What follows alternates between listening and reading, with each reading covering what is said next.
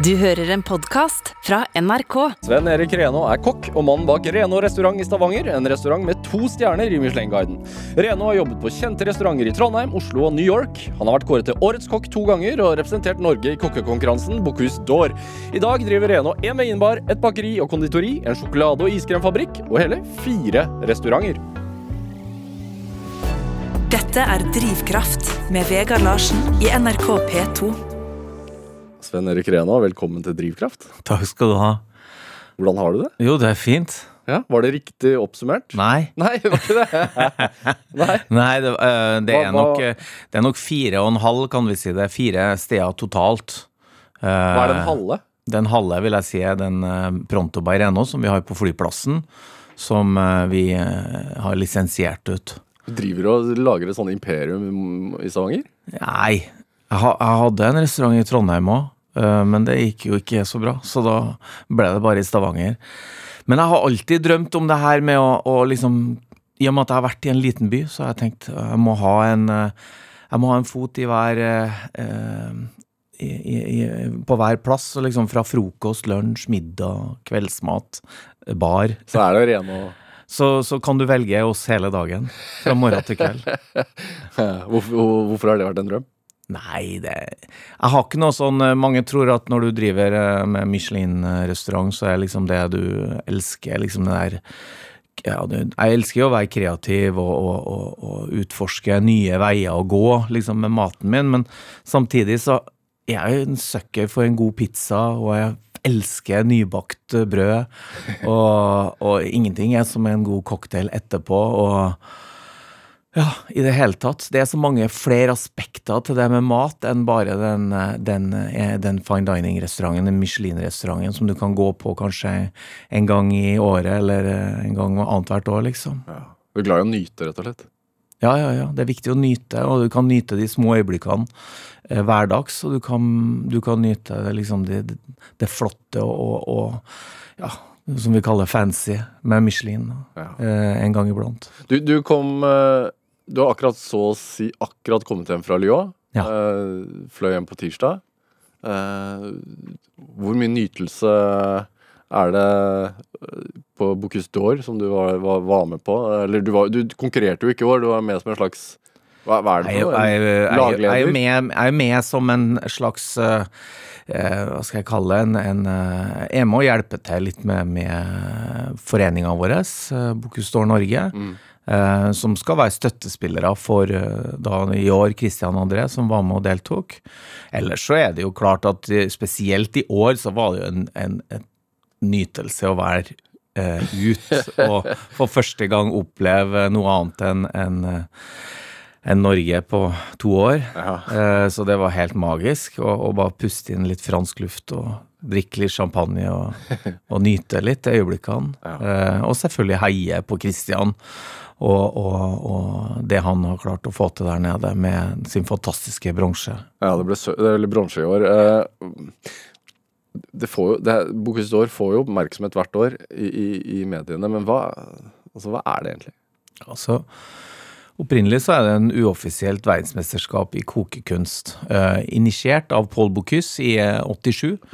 Eh, En fransk legende. Fransk legende. Paul Bocuse er for oss den mest kjente kokken ever. Ja. så eh, som for Norge, er Ingrid Espelid Hovig eller Eivind Hellstrøm, så, så for oss kokker i verdenssammenheng, så er det Paul Bocuse. Han er som Pelé. Ja, du kan kalle han Pelé. Så, så øh, han initierte her for å fremme liksom fransk gastronomi i utgangspunktet, og så har det jo utvikla seg til en litt større ting etter hvert, hvor øh, totalt sett nå tror jeg det er nesten 70 nasjoner som deltar øh, i, i delfinaler i sine regioner, altså Asia, Pacific, også Amerikas og, og, og, og også Europa har det er delfinaler, kva- ja. Så kommer vi inn, og så er det 20 lag som er med i Lyon. Eh, så det å komme kom opp i det, det nivået der og havne på en pallplassering er bare helt eh, sinnssykt. For at, ja, du har ikke så mange sjanser. Det er kun annethvert år det, det, det arrangeres. Eh, og, og, og det er en vanvittig eh, motivasjon og arbeidsinnsats som kreves. Er det som en Altså Man er blitt vant til å se kokkekonkurranse på TV. Mm. Er, er det som, som det? Nei. Jeg syns at eh, det burde ha vært livefilma, for det er så gøy. Ja. Eh, Hvorfor er og, det du kan, ikke s- og du kan se at, du kan si at på tribunene så så er det som å være på den villeste fotballkampen eh, ever, liksom, med hvert, eh, hver sine supportere, med sine kubjeller og horn og vuvuzelaer og alt mulig rart. er det sant? Ja, ja, så det er jo for det er jo 2000 på tribunen, og så er det bare helt galskap. Eh, og så står det da tolv og tolv, da. Tolv ene dagen og tolv neste dag, og konkurrerer eh, i to retter. De skal ha to retter ut i løpet av fem timer. Og hva er din rolle nå, da? Når du har vært Meg er sjefs, eh, sjefs kubjeller. Eh, Nei da, jeg har ikke, har ikke noe Akkurat nå i denne gangen så har- hadde ikke jeg noen annen rolle enn å, å være, være med, egentlig. En slags mentor, liksom? Ja. Eh, ikke mentor engang. Jeg er med i foreninga og passer på at, eh, at Christian har det han trenger. Og hvis han trenger noen ting, så kan jeg bistå. Hvis ikke, så eh, holder jeg meg pent på sidelinja. Og så er det jo masse nettverk og hyggelige folk å hilse på. Og så, og så jobber vi også med å få Bocuse d'Or Europa til, til Norge. Det er en sånn eh, Så det er et nytt prosjekt som vi holder på med. og og da blir det Og da må, var det å prate litt med folk for å få det til. Og da snakk om 2024, da. Ja, er det en Og så kan det bli en realitet? Det kan bli en realitet. Det kan det definitivt bli. Så det blir veldig spennende. Nå står det to, land, eh, to lag, og, eller to byer å kjempe om det. Stavanger og Trondheim. Så jeg har jo ett bein i hver, hver by, så det går helt fint. Du har deltatt selv også på Bocuse d'Or. eh, Fått, fått den beste fiskeretten? Ja, fjerdeplass, den sure fjerdeplassen. ja. 2007. Uh, ja.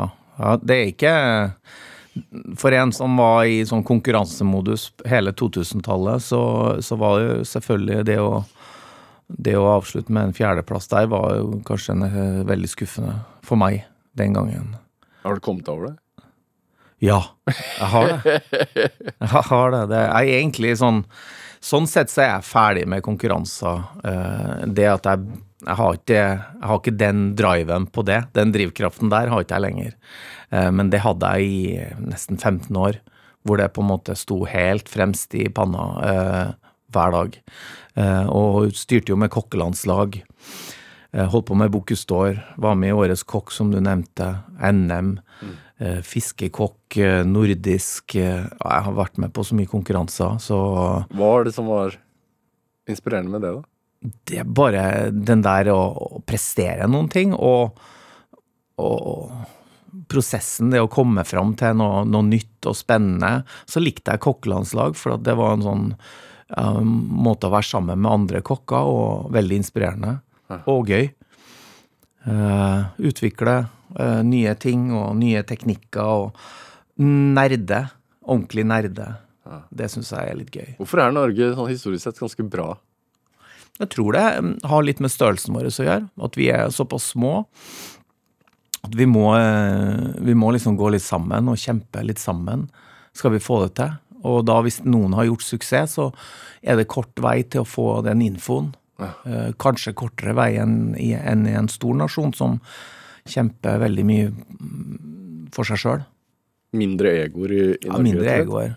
Vi har nok noen eh, Vi har en god del ego her i Norge, og det skal ikke vi stikke under en stol, men, eh, men eh, Vil nevne navn? jeg tror, er, jeg tror det er kortere vei enn Jeg tror det er kortere vei enn i Frankrike, i hvert fall. Hvordan vil du beskrive ditt eget ego? Jeg syns det er veldig vanskelig å beskrive meg sjøl, for eh, jeg hører sånn jeg hører folk snakke om meg, så sier jeg, så, så sier jeg nei, men jeg er jo ikke sånn. Ja, Men hva kanskje- sier de da, da? Nei, de, de, jeg har jo temperament, uh, men jeg merker jo ikke det sjøl. egoet mitt, kanskje det er der. Jeg tror jeg må ha et visst Jeg må i hvert fall ha noen skylapper på uh, i forhold til det at eh, jeg lar meg ikke affisere så veldig mye av hva som skjer eh, når jeg har bestemt meg for noe. Eh, så da er jeg liksom litt eh, Da må vi bare finne løsningen på det. Ah. Eh, om det er et problem, eller om det er en utfordring, eller om det er bare en eh, ny restaurant eller eh, en konkurranse. Det, det spiller ingen rolle. Hvor viktig er det på kjøkkenet? At man, er, at man har den evnen til å være 100 fokusert? Eh, veldig viktig.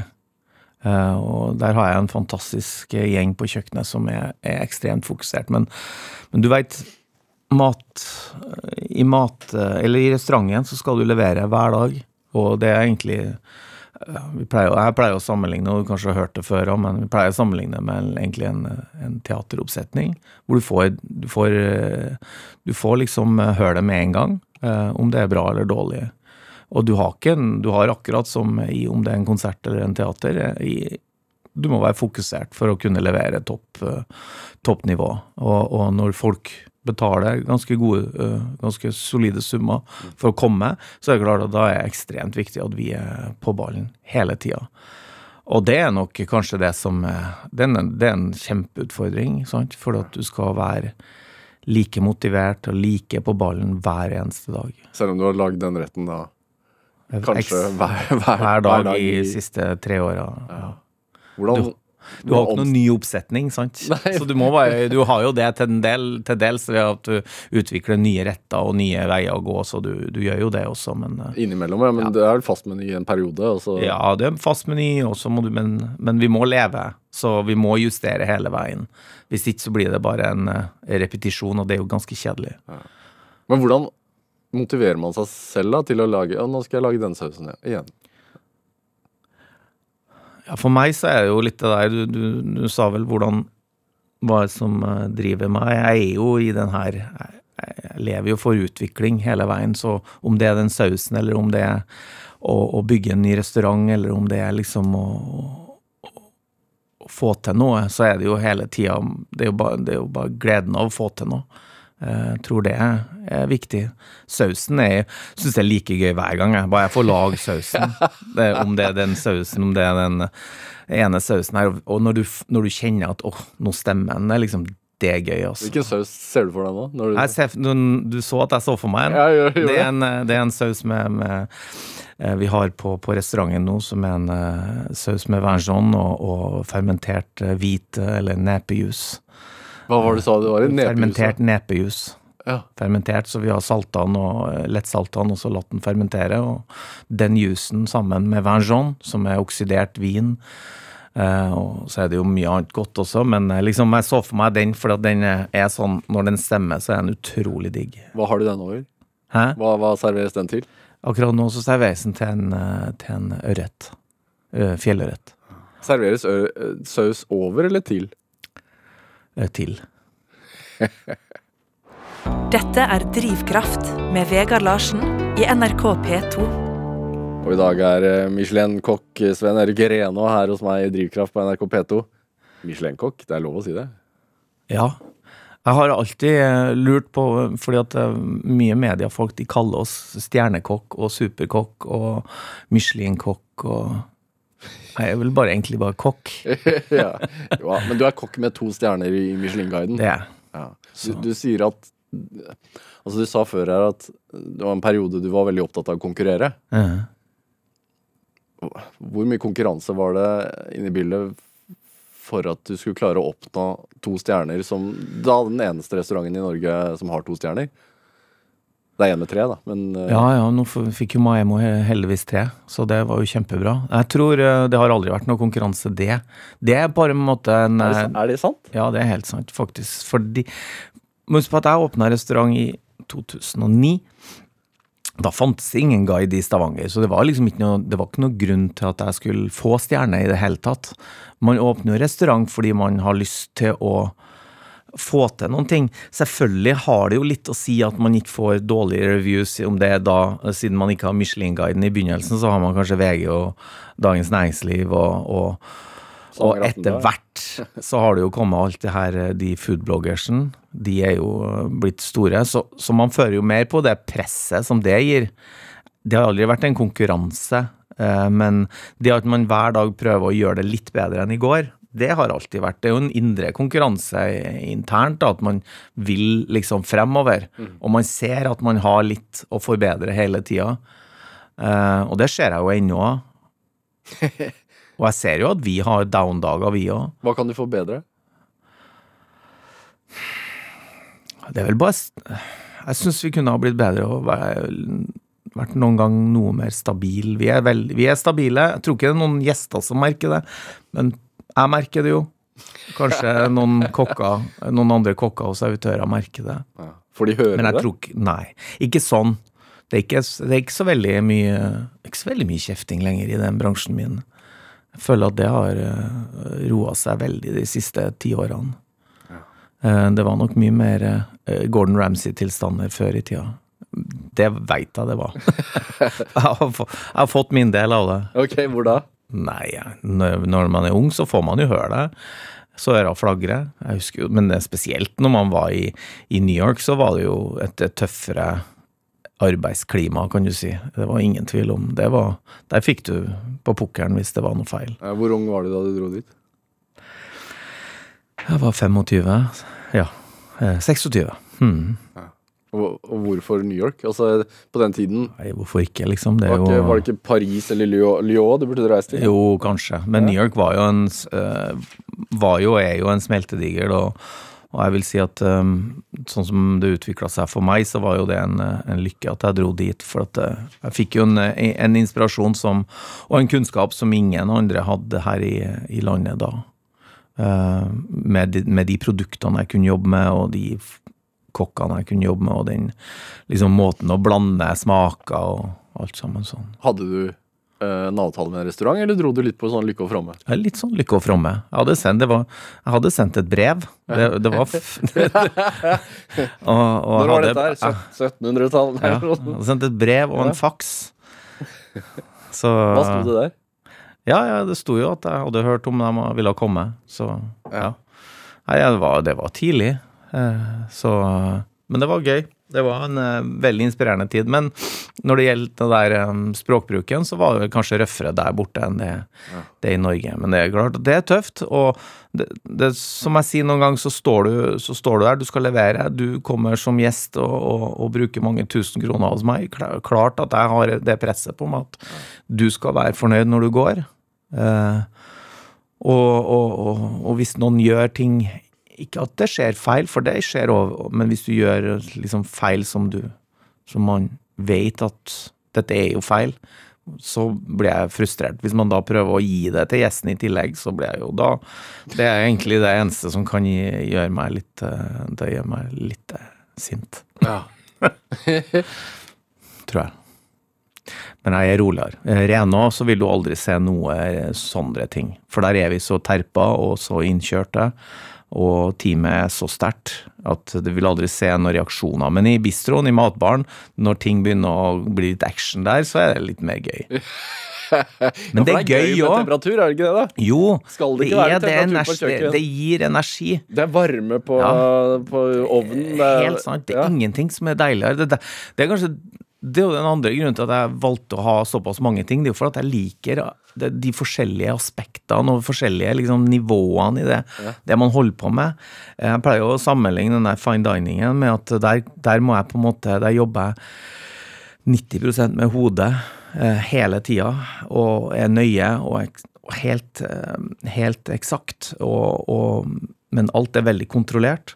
Mens den andre så er det jo, er jo egentlig ikke så mye å tenke på. Du skal bare være fysisk og få ting gjort i en, eh, så fort som mulig. Eh, Så du trenger ikke å tenke så mye. Så de dagene du har lyst til å bare liksom la hodet hvile litt, så er det gøy å kjøre service. For da må du bare levere, liksom. Om det er du har masse eh, bestillinger i, i, i passet ditt, altså, som vi kaller utleveringer, og kanskje ti bord, du har mange ting å holde på med, men det er bare så gøy. Og det gir så mye energi, spesielt når det fungerer, da. Ja. Hvis ei gryte går i gulvet, eller noe går til dundas, så, så er det jo dårligere dager. Det er jo dårlige dager der òg, men når det fungerer, så er det ingenting som er så digg som, som en bistro, altså. Hvor mye jobber du? Jeg jobber stort sett eh, fra morgen til kveld, eh, men jeg har fri søndager. Mhm. Og så har jeg jo, har jo to barn, da, så jeg, jeg prøver å være litt med de òg. Så det er jeg òg. Ja. Og så må vi bytte litt på meg og Toril, eh, kona mi, som Sånn at vi får det her til å gå opp. Ja, for du driver eh, sammen med hun. Ja. Ja. Hvor viktig er det? ja det, vi åpna vel egentlig, så var, var, tenkte vi at hun skulle fortsette i en annen jobb, men eh, hun skjønte vel fort at hun måtte inn i det, hun òg. For det er, jo litt, det, det er jo litt armer og bein, så det er greit å ha med noen som, eh, som kan holde litt i, i trådene der oppe. Så jeg begynte jo som kjøkkensjef, daglig leder, personalansvar, alt mulig rart. Og det funka jo ikke til slutt, så Eller, det funka ikke fra begynnelsen av heller, så uh, Så det var bra hun tok over det. Så hun er, hun er egentlig sjefen din, hun da? Ja, ja, ja. Jeg, jeg pleier å kalle meg kjøkkenkokke. Ja. Nei, jo ikke helt det, da. For jeg hører jo ikke etter alltid. Men hun var også drev i Hvordan traff dere hverandre, egentlig? Nei, det var, det var i restaurantbransjen. Hun har alltid vært der, hun òg. Uh, siden vi møttes, i hvert fall. Er man Tror du man må være litt sånn spesielt skrudd sammen for å elske det livet? Ja. Det tror jeg. Hvordan da? Det er vanskelig å si, for eh, jeg klarer ikke helt å sette fingeren på det, men, men jeg veit at det er ikke et liv for alle. Og, og, og, og, vi har jo våre downs, vi òg, meg og Toril. Og jeg vet ikke hvor mange ganger hun har slutta, men eh, ja, det begynner å bli en del. Eh, og noen ganger har jeg slutta òg. Eh, bare sånn internt på, på, på stua vår, men, men, eh, men, vi lander jo alltid på beina igjen. Men det er liksom det, er det, stort, det, som er, det som er presset, er vel kanskje den Ja, både det å levere, men det med personalet. Mm. Det å ikke la seg Når du har stordrift, det å ikke la seg bli personlig av når folk er, hvis gjester er misfornøyd. Uh, så, så det, der er jeg kanskje flinkere. Har, der har jeg skylappene på. Mens, for jeg veit at eh, ok, vi kan gjøre glipper, og det kan skje, men det bør jo ikke skje. Men la oss gå videre. Mm. Uh, der veit jeg at Toril syns det er tyngre, akkurat den biten der. Og, så det kan være mye Det er mye tårer og, og, og drama i kulissene. Uh, mer enn folk skjønner. Økonomisk usikkerhet sikkert en periode? Og... Hele veien. Ja. ja. Det er alltid en touch and go, og det er jo det som er, er det, Kan det være nesten også sånn prisen på råvarene fra en måned til en annen? Altså... Nei, men det er så, såpass mange, det er så mange varelinjer, og det er så mye eh, usikkerhet. Det med liksom, Du veit jo ikke hvor mange som kommer eh, av gjester i en måned, men du må jo ha lik bemanning. For du kan ikke drive og si opp og, og permittere. Og, så du er jo liksom en viss bemanning. Og så plutselig en måned så er det ikke så mye gjester, og da, da sliter du jo med å komme i mål på det, og du har kanskje kjøpt råvarer for, litt for mye penger, og du har kanskje gjort den kalkuleringa di ikke helt riktig. Uh, det er for mye ups and downs og, og, touch and go. Så må du hente deg inn. Og så er vi jo glad i Jeg er jo så utrolig glad i å gi opplevelser til gjester. Så jeg tenker jo ikke alltid over at det, dette koster jo litt. For meg. Ja, Så det er jo den Når første hvite trøffelen kommer, så må jeg jo ha det, uansett hva det koster. Men så må jeg jo få folk til å betale for det. Sant? Ja. Og det er jo litt viktig. Eh, hvor mye tjener man altså det, Hvor mye sånn cirka tjener man på en servering på Rena? Hvis de ikke drikker vin? Oi, nei. Hvis de ikke drikker vin? Ja. Nei, det tør ikke jeg å si engang. Det er jo nesten ingenting. 100 kroner, kanskje. Ja. ja. Vin er viktig oppi det hele. Hva er, hva er, det som har fått Du sa at du et par ganger har liksom hjemme på stua sagt at nei, nå slutter jeg. Hva er det som har fått deg til å Ja, nei, det er jo dårlig, Det er litt dårlig økonomi. Det er liksom den der hvordan vi skal få endene til å møtes. og og hvordan vi skal få endene til å møtes arbeidsmessig og, og, og liksom Men jeg har jo vært tydelig på at jeg vil ha Toril med meg i driften. Uh, og jeg syns ikke det hadde I dag så tror ikke jeg det hadde vært noe kjekt å liksom, Når jeg åpna restauranten, så tenkte ikke jeg på det, men nå hadde ikke jeg villet drevet restaurant uten Toril. Så, så hvis hun, når hun uh, sier at ja, men nå skal jeg slutte, så sier jeg ja, men da slutter jeg òg. og det har jo skjedd. Ja. Men det, det, det, skjer jo i Alle familier har jo sine issues. Var det sånn Jeg hørte noen rykter om en altså, sånn spesiell første date. Ja, oi. Ja, nei, vi hadde jo noe Vi ble jo eh, Ja, hun, hun likte ikke Jeg kom hjem fra Jeg hadde gjort en jobb for Gastronomisk eh, i Moskva, så jeg hadde jo fått tak i noe kaviar. Gastronomisk institutt, som, du, som du drev i syv institutt. år i Stavanger. Ja, ja, ja. Jeg var jo der, derfor jeg kom til Stavanger. Jeg var jo egentlig, skulle jo bli Oslo-gutt, jeg.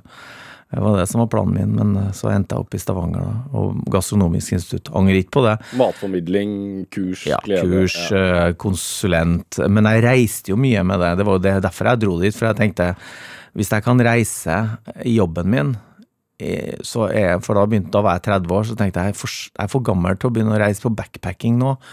Så jeg må reise, eh, for jeg hadde liksom bare jobba hele livet mitt utenom den lille stikke, avstikkeren til USA. Eh, så jeg, jeg har ikke sett noen ting. Så jeg må reise. Hvordan kan jeg få til det? Så var gastronomisk det var liksom eh, nøkkelen, tenkte jeg. Så fikk jeg gjort det, da. Men eh, det var jo på en av de turene der at jeg fikk med meg kaviar hjem, og skulle ha første date med Toril hjemme på stua. Så hun var jo litt yngre og ikke helt eh, vant til det her, så hun sa hun liker ikke rogn. Og, og hun liker Og så kom jeg ja, men jeg har jo champagne, og hun liker ikke vin med bobler heller. Så da var, vi, da var det bare toasten igjen, så Men nå elsker begge deler, da. Ja. Det skal sies. Så eh, vi vokser. Ja, og det ble til en, etter hvert en tostjerners restaurant, det der. Ja, absolutt. Eh, Rena, vi skal høre litt musikk. Ja. Eh, vi skal høre en italiensk låt. Ja. Du har jo uh, italiensk bagasje. Ja, jeg har eh, Min eh, far er italiener, og, og jeg tror mye av den mye av den gleden rundt mat har jeg liksom fra min eh, nonna og, og pappa, og liksom den der energien i det. og Din nonna, det er din bestemor. Da. Ja, det er bestemor, ja. Så det, den gleden rundt det måltidet og øh, den der planlegginga av måltid hele veien, det at vi hele tida snakker om hva vi skal spise neste, og hva vi skal spise i morgen, og, og, og liksom det der at vi har funnet råvarer, og det å bare spise overmodne fersken Nei, det er bare så mye greier med, med Italia som, som fra barndom av. Jeg kom jo fra Trøndelag, det var ganske skralt eh, den tida. Eh, selvfølgelig, eh, hos bestemor så fikk jeg veldig god mat, men liksom, det var liksom ikke den energien rundt det. eh, i liksom følelsesmessig. Så um, så det var veldig viktig, eh, en veldig viktig del av tror jeg, hele grunnen til at jeg har den av både driven og energien i det jeg holder på med, er, er liksom den Italia-bagasjen er der. Hvor er det bestemoren din Altså, hvor reiste dere når du dro til Italia? Vi reiste til Emilia Romagna, som er et fylke i ganske nordøst, da, eh, med hoved, hovedsetet er Bologna, men hun eh, og familien, eller hun og mannen, bodde i eh, Hun og min nonno bodde i Forli. Ja, Forli er en liten by rett nord for Rimini. Mm. Vi skal høre en låt som heter Questo Piccolo Grande Amore. Ja, ja, minner meg om eh, Italia i den forstand at vi satt på den i Alltid eh, satt vi på det, det, det albumet hvor den var, eh, på turene når vi for og kjørte inn i Italia. Så jeg minner meg om liksom når vi kjørte over eh, åsene i Toskana eller i Emilia Romagna eller hvor som helst, så spilte vi det her. Hvor mye mal, hvor, mye, hvor viktig er minner når det kommer til mat? Jeg syns det er kjempeviktig. Eh, jeg tror mye av sånn som jeg jobber òg, er liksom ok, tanker og smaker som jeg enten har opplevd underveis eller fått med meg fra barndommen. Eh, derfor så ender jeg Jeg nevnte, jeg nevnte så vidt fersken. Derfor så bruker jeg så sjelden det, for at jeg får aldri den smaken av den der fersken plukka rett fra treet. Det får jeg så utrolig sjeldent. Så derfor så jeg aldri, bruker jeg ekstremt sjelden det. La oss høre låtene. Quella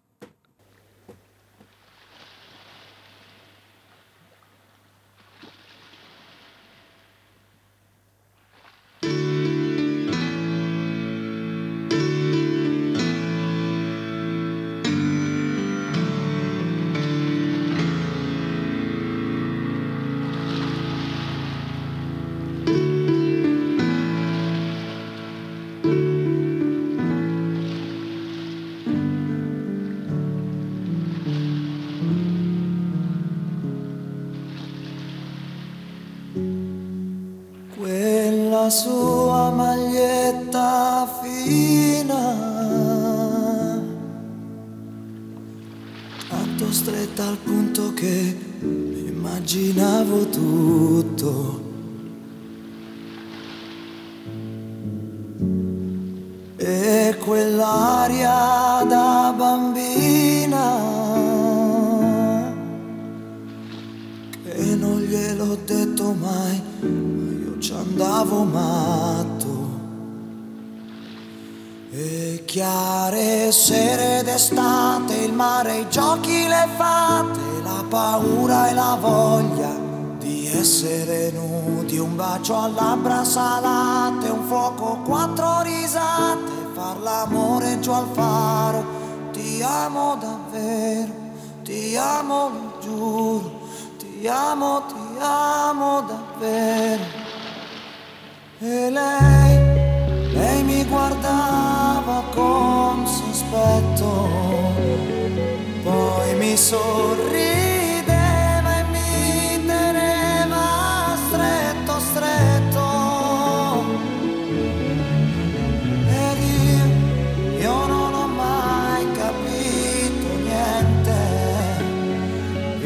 okay.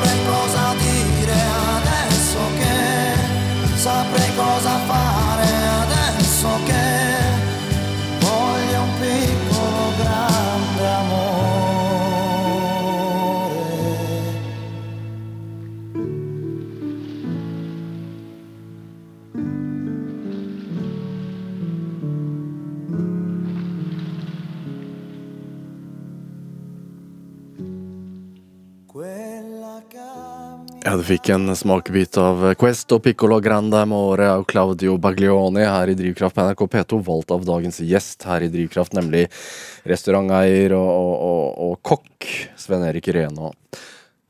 Blir, ble du litt rørt? Ja, jeg blir jo det. Eh, jeg har en far som er syk, så han, eh, han har ikke så mange dagene igjen, så, eh, så jeg tenker jo mye på han når jeg hører den sangen der.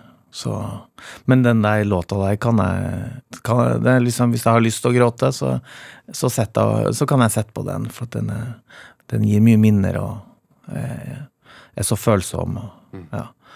Men jeg hører jo på all mulig slags musikk, men, eh, men akkurat eh, den er, den er min greie.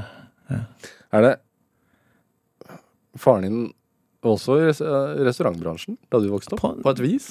Egentlig ikke. Han var restaurantmusiker. Du kan si at han, han, eh, var, han var batterista, eller trommis, på et sånt eh, rett og slett et sånt italiensk danseband som reiste rundt, kom til Norge av eh, ja, da hotellene ville ha dansemusikk i, i helgene. Så, så han kom opp med en med et band i, på, på begynnelsen av 70 slutten av 60 første gangen, ja. Så um, spilte han i to band eh, gjennom hele 70-tallet og fram til ja, nesten midten av 80, så ble han fotograf. Mm. Og matinteressert. Det har han alltid vært, så, men eh, det er jo Så han møtte jo min mor på, på Britannia Hotel da, i Trondheim. For hun jobbet der. Ja, hun jobber servitør, så hun er virkelig i bransjen. Britannia Hotel, for de som ikke har vært der. Ja. Det er legendarisk sted i Trondheim. Ja, ja, ja. Det har jo alltid vært legendarisk. Nå har det jo blitt kanskje litt mer kjent, i og med at de har pussa det opp for x antall hundre millioner, så, så, og blitt fantastisk flott sted eh, i, i tillegg. Eh, men for meg så var det en plass jeg vokste opp med, og, og for og valsa i gangene. og Eh, og, ja, for mamma jobba jo, og det var ikke så mye bodde i, Vi bodde i Trondheim sentrum, så det var ikke så mye Sånn fra barndommen av så var det ikke så mye annet å gjøre enn å gå fra barnehagen borte ved gamle Bybrås og til Britannia, for der var hun på jobb. Hvordan så det ut? Hva? Hvordan så det ut? Jeg? Nei, hvordan så det ut? Ja, det, det, var, det så helt greit ut, det. Eh, jeg, Men hva husker du? Jeg husker det veldig godt, for det var liksom Spesielt har jeg tenkt på det etter at jeg ble far sjøl, og etter at liksom, jeg hører hvordan folk eh, styrer. Jeg, styr, jeg var jo, gikk på barnehage og gikk sjøl, og, og gikk tilbake sjøl, og bodde i Fjordgata, liksom, og, og det var helt greit. Jeg kom meg fram og tilbake, jeg. Ja. Og Trondheim var sikkert en litt mindre by, men, men eh, fantastisk opplevelse å være på Britannia og, og liksom puste inn den lufta. Altså den, det var vel første liksom eh, feelingen med det med, med restaurant og hotelldrift. Da. Du kan nesten ikke huske annet? Nei, jeg husker det veldig godt, faktisk. Ja. Eh, og så flytta vi, og da på en måte Da Flytta nord- Vi nordover? flytta litt sånn utover, nei, bare ut av sentrum, Ah. når jeg begynte på skole. Og så var det jo sånn vanlig skolegang, og da får man jo litt andre perspektiver og holder på med andre ting.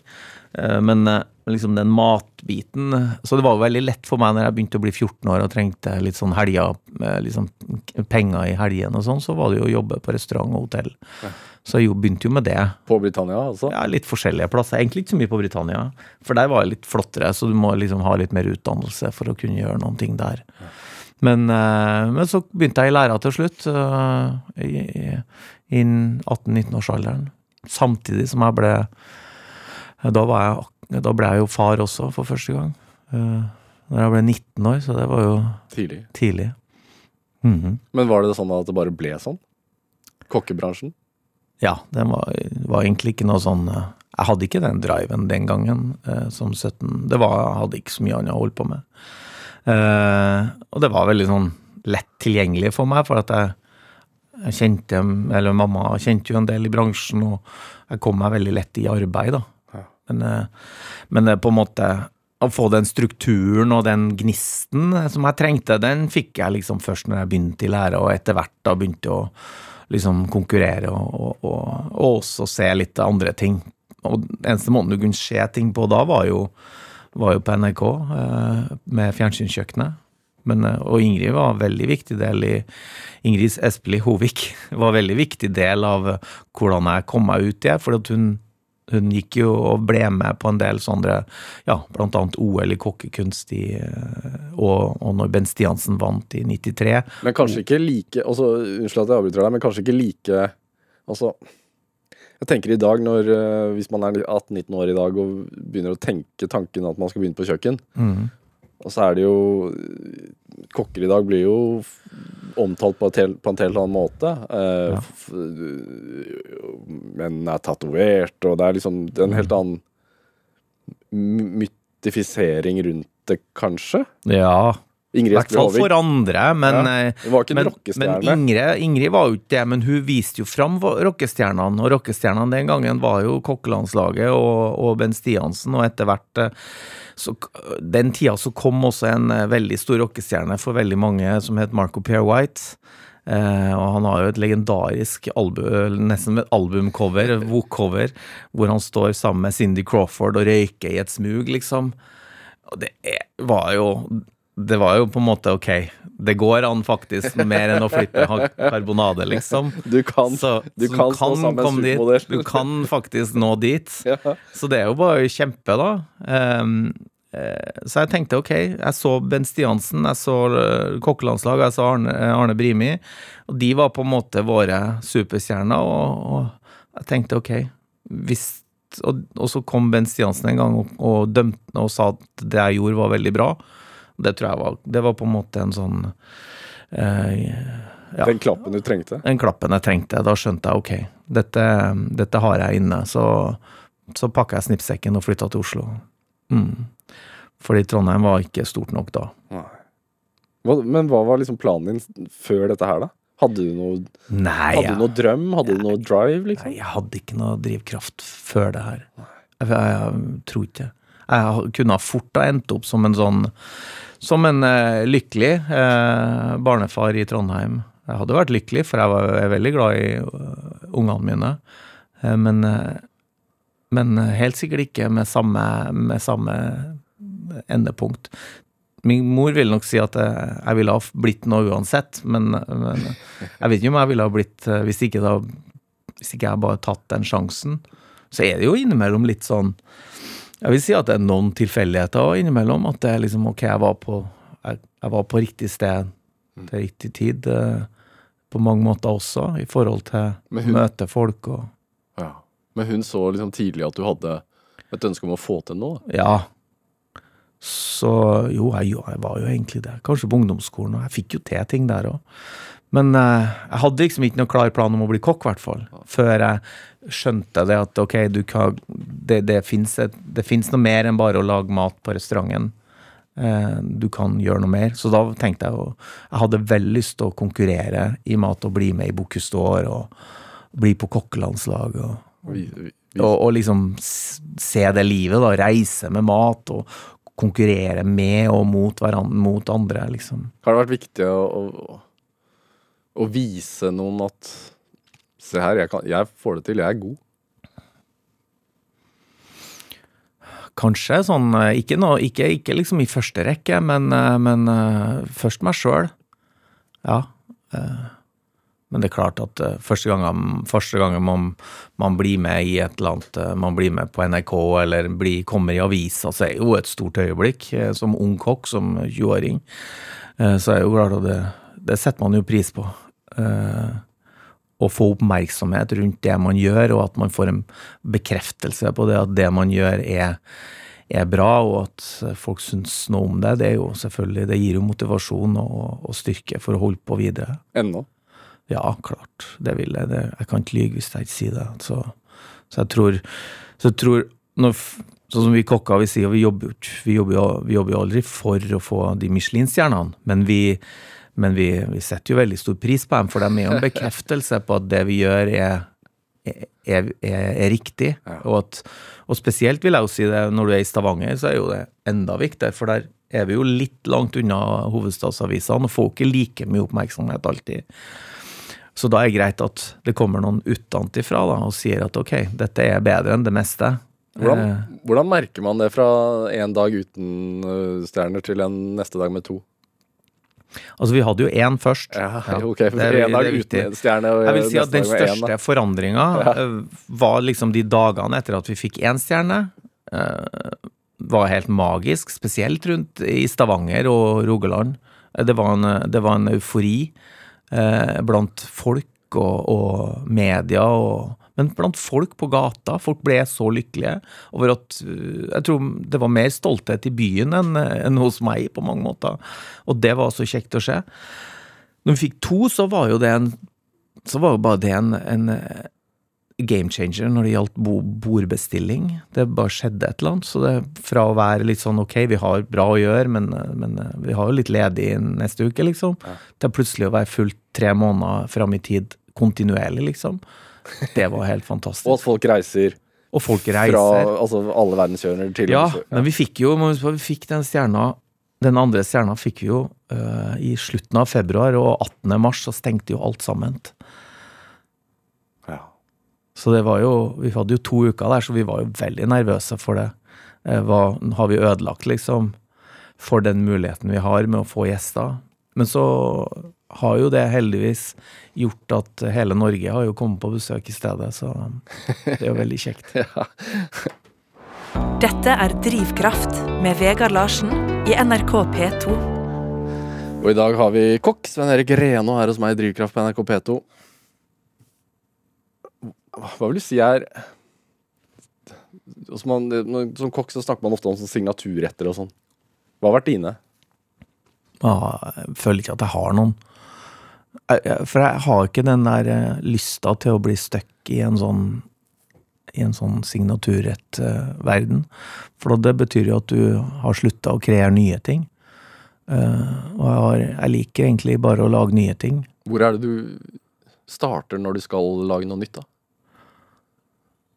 Du starter jo ofte med en eh, I mine eh, i, Hos meg så starter det ofte med råvare enn At jeg får noe som ikke jeg har tenkt over. Ok, dette og dette. Og så er det noen, noen ganger litt tilfeldigheter. At jeg har noe i hus som kan funke sammen med det. Og som bruker liksom kreativiteten da, til å liksom tenke videre på hvor kan jeg gå herfra med den, den, det produktet eller den som, råvaren. Som for eksempel. Nei, jeg kan jo si en ting som har vært på menyen lenge. Akkar, en akkarrett vi har. Eh, Den, den var jo kommet med Jeg har- ikke brukt mye akkar, eh, for det har alltid vært vanskelig å få tak i bra kvalitet. Men så plutselig så kom Altså det en blekksprut. Blekksprut. Ja. Uh, men så plutselig så kom det en kom det, Begynte å komme litt i, i fjordene. Uh, så plutselig kom det en kasse, og, og da var det liksom ok. Eh, da var det å utvikle det, til å få det til å bli bra, og så har det jo blitt steinbra. Eh, Men vi har jo hele veien utvikla den, og den er jo ikke en signaturrett, i og med at ja, Da er jo bare signaturen at det er akkar i den. Eh, det er jo kanskje ikke noe signatur. Men hvordan begynner du? Tenker du at jeg kan lage den og den akkaretten, eller tenker du nå skal jeg lage noe helt nytt? Jeg fikk Jeg fikk en inn Nei, jeg må begynne med noen kjente smaker som jeg liksom Ok, dette vet jeg fungerer. Eh, og så er det jo å tvike det, og det, det er kanskje fire-fem år siden, sant? Eh, så vi begynte med akkaren, og så var det å få den Fått kontroll på den temperaturen på den akkaren. Det er vel kanskje det som er viktigst med akkaren. Det at du ikke skal få den seig, sant? At du skal få den eh, utrolig eh, god, og det får du jo alltid Det får du jo til, men liksom man vet jo enkelte ting som fungerer, og det som var i sesong da, var jo Vi hadde akkurat lagd en stor batch med, med ramsløk og olje, husker jeg, og vi hadde så hadde de første tomatene fra Hanasand kommet, så da var det Og så, så hadde jeg veldig lyst til å Så hadde jeg fått tak i noen, noe sort hvitløk, husker jeg. Så liksom var det ok, den kombinasjonen der da, som begynte den ser ikke sånn ut, eller er sånn i det hele tatt i dag, men den gangen så husker jeg at det var det som var Og det var jo rett og slett fordi at jeg hadde de produktene tilgjengelig eh, samtidig. Så du tenkte da dette kan jeg jobbe med? Dette kan jeg jobbe med. eh, og så var det prøve Og da var han jo en ganske rustik enkel rett, faktisk, til å begynne med. Og så har han jo blitt mer og mer uh, arbeida gjennom for å liksom både liksom få kvaliteten på den, det sluttresultatet på akkeren, tekstur, eh, smak uh, og, og, og det rundt det, og, og det visuelle også. Uh, og samtidig, men det som er essensen i den nå, er faktisk den sorte hvitløken og akkaren. Det, de henger igjen ennå. Hvorfor er det Ja, det er en fantastisk kombinasjon som, som hva, hva, hva smaker sort hvitløk kontra hvit? Eh, sort hvitløk er jo en, eh, en prosess hvor du, hvor du En maillard-prosess som skjer over lang tid med hvitløken. Så den smaker nesten som lakris, egentlig. Maillard. Maillard, så karamellisering. Eh, en kjemisk reaksjon som det, det du elsker med skorpa på biffen din, eksempel. Ja. Eh, Det er maillard. Ja, det er liksom den karamelliseringsprosessen av proteinet. Så det er en fantastisk få en sånn, eh, Du får en sånn ekstremt god smak som alle, alle liker. Eh, og, og, og det er jo en sakte karamellisering over eh, lang tid. Nå snakker vi Vi snakker, vi snakker uk, mange uker. Eh, og så blir den helt sort, og så, den, så blir den helt sånn soft, nesten som lakristekstur. Eh, og smaker også litt lakris, og har ingenting av, av det sterke, skarpe hvitløkssmaken i seg lenger. Den syns jeg, det synes jeg er en veldig god smak, som jeg alltid likte den veldig godt. Og nå har den blitt noe en med, med, med en eh, liten sånn chutney på på sitron, på grilla sitroner. Eh, Salta grilla sitroner. Eh, og så er den med en eh, saus som vi lager på de her avskjær av akkaren og tentaklene. Og så lager vi den mer som en ja, rosett, rose nå. Så det er jo en veldig tidkrevende, men visuell fin opplevelse. Hvor mye prøver du deg fram, eller du, kjenner du komponentene såpass godt at du bare veit at dette, dette, dette funker? Ja, jeg tror egentlig at jeg har det eh, Altså, på de enkle tingene så vet man at dette vil funke, men så er det jo liksom å finne proporsjonene av de forskjellige tingene. Men, men, men kartoteket er ganske stort etter hvert, så man veit jo om ting funker eller ikke. Eh, Man har jo et litt sånt eh, Man har jo prøvd mye. Og ut ifra erfaring så veit man Så klarer jeg Syns jeg jeg klarer i hvert fall å se for meg og, og smake for meg liksom, i hodet hvordan det her blir. da få den smaken. Eh, Så det er en sånn Det er vel bare litt erfaring også. Er det en sånn erfaring da, som gjør at Og så blir du bedre med erfaring? Ja, jeg tror man blir bedre, og så lar man seg ikke affisere for mye av trender.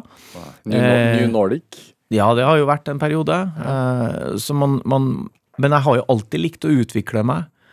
Så jeg har alltid aldri blitt stående i en trend.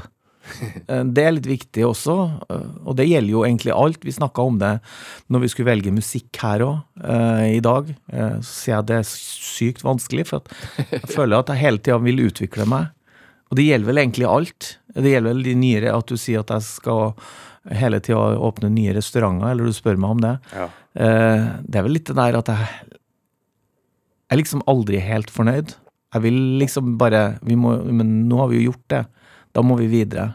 Prosess. Prosess. Hvorfor er det så deilig? det, det er det jeg liker. Jeg liker ikke å stå stille. Jeg liker Jeg, jeg sier at jeg er med på den eh, å, å lage den samme Ofte den samme retten dag ut og dag inn. Og det er en sånn fin feeling, for du kan hele tida tune den. Så du, det er en prosess der òg, selv om på en måte retten, som jeg sier, med akkaren som har utvikla seg i løpet av fem år Jeg føler ikke at det er samme retten lenger. Det er derfor jeg syns det er så vanskelig å si at dette er en dette er en, eh, en signaturrett, for at jeg syns ikke det er riktig. Eh, Jeg har ikke noe Jeg vil egentlig ikke ha så veldig mye signaturretter, for det betyr jo at jeg må lage en om 20 år igjen. Men har du en matfilosofi, da? Nei. Nei. Nei. Ikke annet enn at jeg ikke annet enn at jeg syns det er utrolig kjekt å bruke de råvarene jeg har rundt meg. Eh, utrolig kjekt å, å blande mange forskjellige kulturer og smaksretninger. Eh, veldig viktig for meg å supporte de bøndene og fiskerne og det lokalmiljøet og den økonomien som er som er, eh, som, som er tilknytta maten vår da, i regionen vår. Hvorfor er det så viktig? Nei, for jeg syns at det, det, det skal dryppe på alle. At eh, jeg, jeg gjør det bra, og det skal dryppe på meg hvis de gjør det bra. Eh, og, så, smaker jo ting bedre når det, når det har kort vei. Det er en kjensgjerning. Men den eh, hva skal man si, eh, holdningen der du har, altså at du liker smaker fra forskjellige steder og Du var ikke i New York så lenge?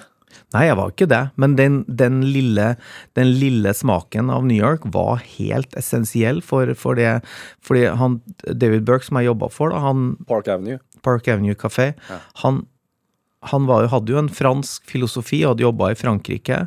Eh, Men han blanda jo, det var jo med den blandinga å plutselig bruke asiatiske ting, eh, meksikanske ting, eh, ekte amerikanske eh, eh, ting, eller råvarer. Da snakker jeg, når jeg mener ting, så mener jeg både inspirasjon og produkter og råvarer.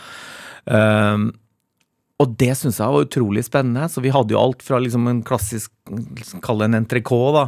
Men så kunne du plutselig få en, en, en eh, tuna tataki eh, også. Ja. På samme restauranten, Ja. liksom. Fikk man det i Oslo da du kom Nei, tilbake? nei, nei, nei. nei, nei. Jeg var første som tok inn eh, bok choy, for eksempel. Jeg tror, jeg, var, Ja. jeg tror aldri noen hadde hørt om det før. Altså en, kor en koreansk grønnsak, eller? Ja. Den brukes jo mange plasser, Ja, i men Asia. Korea også. Ja. Um, jeg fikk inn yuzu, ferske yuzu. Det tror jeg, det tror jeg jeg fikk inn, og så tror jeg ikke det vi så det igjen på er 20 år. Hva er yuzu? Yuzu er en sitrusfrukt, en, eh, en type sitron. Eh, men så smaker yuzu Du har sikkert eh, smakt ponzu, eh, den, sau- den sitrusaktige sausen som du dypper Som du bruker noen gang til sashimi. Ja. Eh, den er jo med yuzu og mm, Så, så bare det å blande soya inn i det franske kjøkkenet var jo en sånn helt strange greie. Det å få tak i nye Jeg tror en annen en kompis av meg, Tom Victor, han pleier alltid å si at den der at jeg gjorde jo så mye eh, crazy greier. Jeg hadde liksom eh, Tom Victor Gaustad. Ja. ja, ja, Tom Victor. Jeg hadde, når, jeg, når vi holdt på på Hansken, vi hadde, jeg husker jeg hadde sverdfisk på menyen. Jeg hadde, men så hadde jeg begynt med masse grønnsaker. Alle. Jeg hadde typ bab ganoush. eh, ting som i dag er helt som ikke låter spesielt, men eh, på slutten av 90-tallet så var det eh, Så var det litt eh, uvanlig, en del ting. Å blande det sammen med, med finere mat, da. Ja. Så det, liksom, det, det føler jeg det var inspirasjon fra New York som ga meg liksom den gutsen til å prøve å, å, å, å være litt frekkere, da. Eh, Det må ikke være eh, haricots eller grønne bønner til, til biffen. Alltid. Du kan gjøre andre ting, liksom. Det er litt gøy. Og det samme vil jeg jo si at det har jo det nordiske gjort også. Det å skape den stoltheten rundt det der og det vi har rundt oss, Ja. på en helt annen måte, som vi aldri, som vi aldri torra før. Fordi at vi trodde bare ikke det var bra nok. Og nå er, har, vi jo, har vi jo funnet ut av det at det, vi har jo sinnssykt gode råvarer. Ja, og maten som serveres på restaurantene, har aldri vært bedre. Nei, aldri vært bedre. Svein Erik Renov, hva, hva tenker du er din drivkraft? Du har vært innom det mye, men Ja, et- eh, det er vel en, det er vel en driven om å skape nye ting, tror jeg. Jeg, jeg, jeg ser at det er det. Jeg ikke, jeg ikke liksom må, jeg må ikke holde på noe for, for Jeg må ikke holde på noe for enhver pris. Jeg har lyst til å gå videre, liksom. hvilken glede gir det deg, da? Nei, det er den her kreative Jeg har alltid sagt at hvis ikke jeg hadde blitt kokk, så tror jeg nok kanskje jeg hadde blitt arkitekt eller, eller interiør eller design. Det å kreere ting, det er liksom det å, det å se nye ting komme, det er liksom det som er spennende. Hvor viktig er det å glede gjesten, da? Det, det er det aller viktigste. Det er jo enda viktigere. Faen. Det er også drive. Det er også en drive. Det er også drivkraften. Det, var, det, var, det er jo i hvert fall en drivkraft. Det er, jo, det, er jo, det er jo grunnen til at man står opp om morgenen, og det er jo grunnen til at man liker å lage den samme retten om og om igjen også. Fordi man får den feedbacken, den gode feedbacken hver dag. Svein Erik Reno, det var det vi rakk. Oi, Tusen takk for besøket. Hør eh, flere samtaler i Drivkraft på nrk.no, i NRK-appen, eller last oss ned som podkast. Send oss gjerne ris og ros og tips til mennesker som du mener har drivkraft. Send en e-posten til drivkraft.krøllalfa.nrk.no. Vi hører veldig gjerne fra deg. Produsent og researcher i dag, det var Kjartan Aarsand. Jeg heter Vegard Larsen. Vi høres. Du har hørt en podkast fra NRK. De nyeste episodene og alle radiokanalene hører du i appen NRK Radio.